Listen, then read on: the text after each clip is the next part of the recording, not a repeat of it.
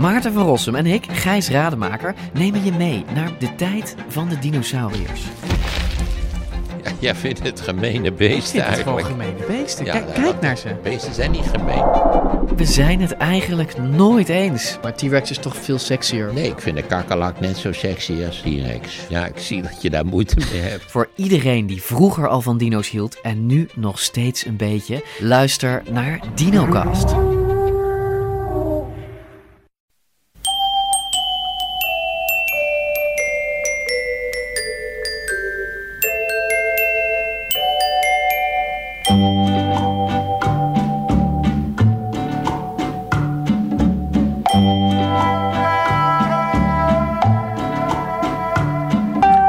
Welkom bij aflevering 26 van de Echt Gebeurd podcast, waar echt gebeurde verhalen worden verteld door de mensen die het zelf hebben meegemaakt.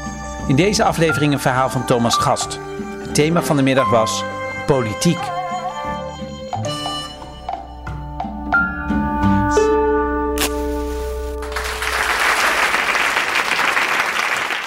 Ehm, ik moet heel eerlijk bekennen dat ik eh, eh, niet veel heb met politiek. Eh, het, het interesseert me eigenlijk eh, heel weinig. Eh, het heeft mij ook nooit echt geïnteresseerd. Het, het gaat altijd een beetje langs me heen. En des te vreemder is het daarom misschien wel dat in 2006 eh, bij de stadsdeelraadverkiezingen in Amsterdam Zuidoost ik als negentiende op de lijst stond voor de lokale partij Mokum Mobiel. Ik zal eh, jullie vertellen hoe dat zo eh, ver heeft kunnen komen. Maar eerst, uh, is een partij die nu niet meer bestaat. Het is een, een partij die ooit is, is opgericht door ontevreden autobezitters in Amsterdam. Ja, die ontevreden waren over het auto- en parkeerbeleid hier in de stad. En die graag wilden dat de binnenstad toegankelijker zou worden voor auto's. Het, het, het autoluw maken van de binnenstad was hun een doorn in het oog. En zij wilden ook meer parkeerplekken en vooral ook goedkopere parkeerplekken. Dat waren de speerpunten van Mokum Mobiel. Uh, uh, speerpunten die niet verder van mij af hadden kunnen staan, moet ik zeggen. Ik, ik, ik, ik heb zelf geen auto. Ik, ik heb wel een rijbewijs, maar ik hou helemaal niet zo heel erg van autorijden. Ik vind dat zelfs een beetje eng. Um, en ik, ik ben zeer voor het autoluw maken van de stad en zeer tegen de hele binnenstad veranderen in parkeerplaats. dus heel vreemd dat ik daar toch als negentiende dan op de lijst stond. Uh, uh, ik zal uitleggen hoe dat kwam. Het begon allemaal uh, in Zwitserland. Ik was in de, bij de, tijdens de jaarwisseling, rond de jaarwisseling van 2005, 2006, was ik met mijn ouders op vakantie in Zwitserland. Mijn ouders die, ga, gingen al jaren op vakantie naar hetzelfde Zwitserse dorpje. En mijn broertje en ik gingen dan mee. En mijn ouders die gingen op vakantie ook met kennissen of vrienden van hun. Uh, uh, en dat waren uh, Gerard en Nel. En Gerard en Nel die wonen al hun hele leven in Zuidoost, in de Bijlmer. En Nel die is eigenlijk al zo lang als ik haar ken... Uh, en volgens mij ook zolang als mijn ouders haar kennen, bezig met strijden tegen um, het erfpachtstelsel uh, daar. Er is nog steeds erfpacht daar ook in, in Zuidoost. En Nel vindt dat een, een ontzettend oneerlijk systeem. en zij is bezig met daar tegen te strijden. Zij vindt dat het moet worden afgeschaft. En dat strijden dat houdt in, moet je je voorstellen, dat zij alle kranten leest. Echt van de grote landelijke dagbladen tot aan het plaatselijke suffertje. En uh, daar knipt zij dan alle stukken uit die over erfpacht gaan. Die plakt zij op A4'tjes. Daar schrijft zij zelf haar eigen commentaar bij. Die A4'tjes die kopieert ze en die doet ze bij iedereen uh, in de bus. Uh, die het wil en ook iedereen die het niet wil. En zij stuurde dat ook altijd op naar mijn ouders. En mijn moeder die gooide die enveloppen direct bij het oud papier altijd, kan ik me herinneren. Nou, in ieder geval, Nel was daar heel erg mee bezig. En uh, zij maakte dus en stencils. En uh, wat dit zij ook zei, was bereid om zich aan te sluiten bij zo ongeveer elke politieke partij die het erfpachtstelsel op de politieke agenda wilde zetten. Nou, in 2006 was dat Mokum Mobiel. En uh, Nel sloot zich aan bij Mokomobiel. Mokomobiel zou dan nou ja, erfpacht afschaffen hoog op de agenda zetten. En Nel zou in ruil daarvoor mensen werven die voor Mokomobiel op de lijst wilden staan. Um, daar kwam ik in het plaatje. Ik woonde toen net een jaar in Amsterdam. En dat was voor Nel reden genoeg om aan mij te vragen: Wil jij niet bij mij op de lijst? nou ben ik al eigenlijk eh, altijd al heel slecht geweest in eh, nee zeggen. Eh, eh, maar Nel had nog iets bedacht waardoor eh, zij dacht dat ik niet meer kon weigeren. Namelijk, zij zei: dan als je bij mij op de lijst komt, dan kom je als negentiende op de lijst. Ik ben zelf lijstduur, ik ben nummer 20. Maar eh, voor elke stem die jij behaalt, krijg jij van mij 1 euro. Eh, en zij dacht dat dat doet hij dan vast. Nou goed, eh, ik dacht nou misschien toch wel leuk. Uit een soort naïviteit. En mijn moeder was heel erg tegen. Die zat erbij. Die zei dat moet je niet doen. Dat is ontzettend dom. Want je gaat toch niet op een lijst staan van een partij waar je zelf niks mee hebt. Stel dat je ooit nog een keer serieus de politiek in wil. Dat, dan, ja, dan is jouw naam daar altijd aan verbonden. En zullen mensen altijd vragen waarom stond je daar in die tijd op. En dan moet jij zeggen nou omdat ik een euro kreeg. Dus eh, dat is heel, helemaal niet slim. Doe dat alsjeblieft niet. Nou goed, eh, eh, ik moet heel, moet heel eerlijk zeggen... het feit dat mijn moeder eh, dit helemaal niet graag wilde... en hier zo tegen was... was voor mij juist het laatste zetje om het wel te doen. Ik was, in 2006 was ik inmiddels al 21... maar ik heb mij nooit echt afgezet tegen mijn ouders. Dus ik dacht, nou, dit is dan nu een mooie gelegenheid... om dat alsnog in te halen. Ehm, maar goed, eh, dus ik, ik zei tegen Nel: Oké, Nel, ik doe het. Ik kom bij jou op de lijst. Dus Nel zei: Dat is goed. eh, ik ga dat regelen. En eh, dat deed ze inderdaad. Zodra ik terug was van wintersport, belde Nel mij op. En die zei tegen mij: Het is voor elkaar. Je kunt op de lijst. Alleen voordat je erop kunt, moet ik wel even zeggen: Moet je nog een gesprek hebben met de lijsttrekker, de nummer 1 van de lijst. En dat was Hanny van Bakel. En Nel zei: Ik heb geregeld dat jij en Hanny elkaar kunnen ontmoeten. op het Amstelstation aanstaande dinsdag. Eh, dus dat was voor elkaar. Ze zei, eh, eh, hoe herken je Hanny? Ze zei, nou, je kan Hanny heel makkelijk herkennen. Hanny rijdt namelijk in een auto die vol zit met stickers van Moken Mobiel. En het is een hele grote vrouw. Nou, dus ik ging naar het Amstelstation om daar eh Hanny te ontmoeten. En Nels beschrijving had niet beter kunnen zijn. Want Hanny reed in een heel klein autootje. Wat nou ja, tot de nok toe volgestickerd zat met stickers van Mokomobiel. En zij was zelf een enorm grote vrouw. En ik bedoel dan niet eh, eh, eh, groot als in dik, maar echt groot. Gewoon hoog, lang. Zij was heel groot en wat ik me herinner is... zij had rode lippenstift had zij op en een hele harde stem had ze ook. Een soort vrouw waar je niet omheen kon. Dus ik was ook gelijk vrij geïntimideerd. En eh Hanny zei tegen mij: Kom, we gaan even zitten bij de Burger King. Dus eh Hanny en ik gingen zitten bij de Burger King op het Amstelstation. En. Nou ja, toen eh, eh, zei Hanny, die zei tegen mij... ik haal even koffie, wil je ook iets?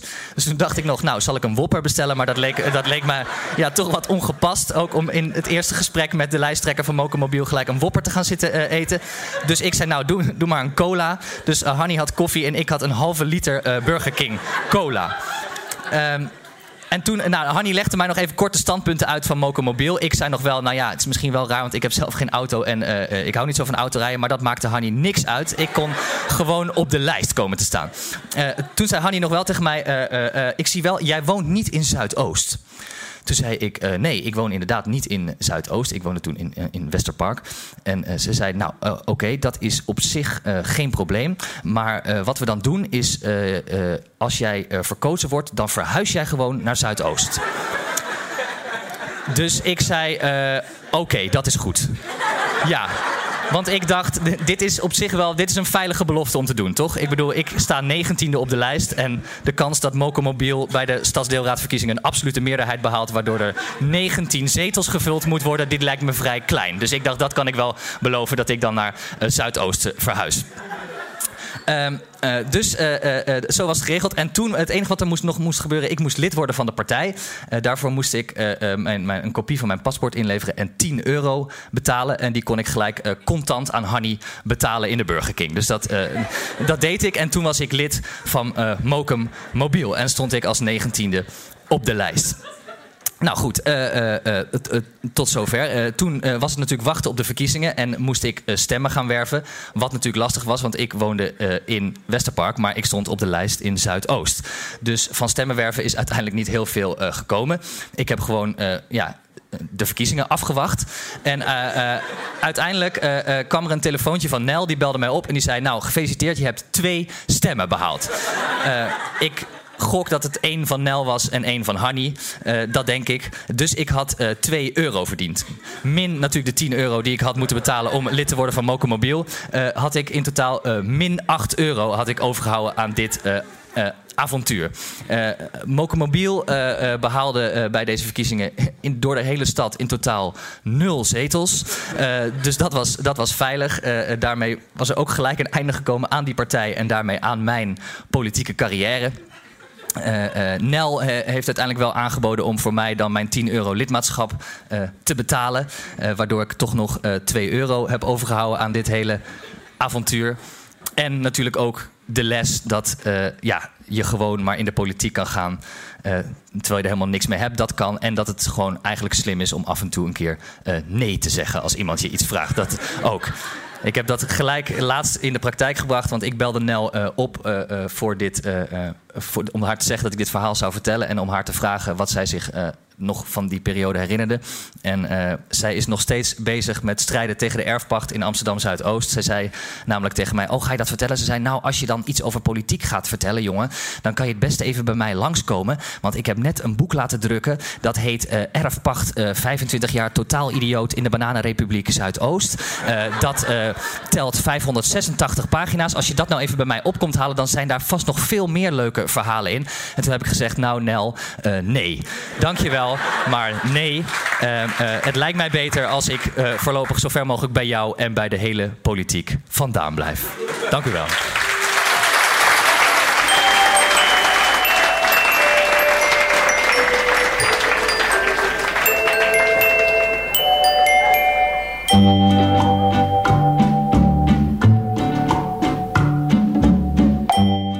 Dat was Thomas Gast.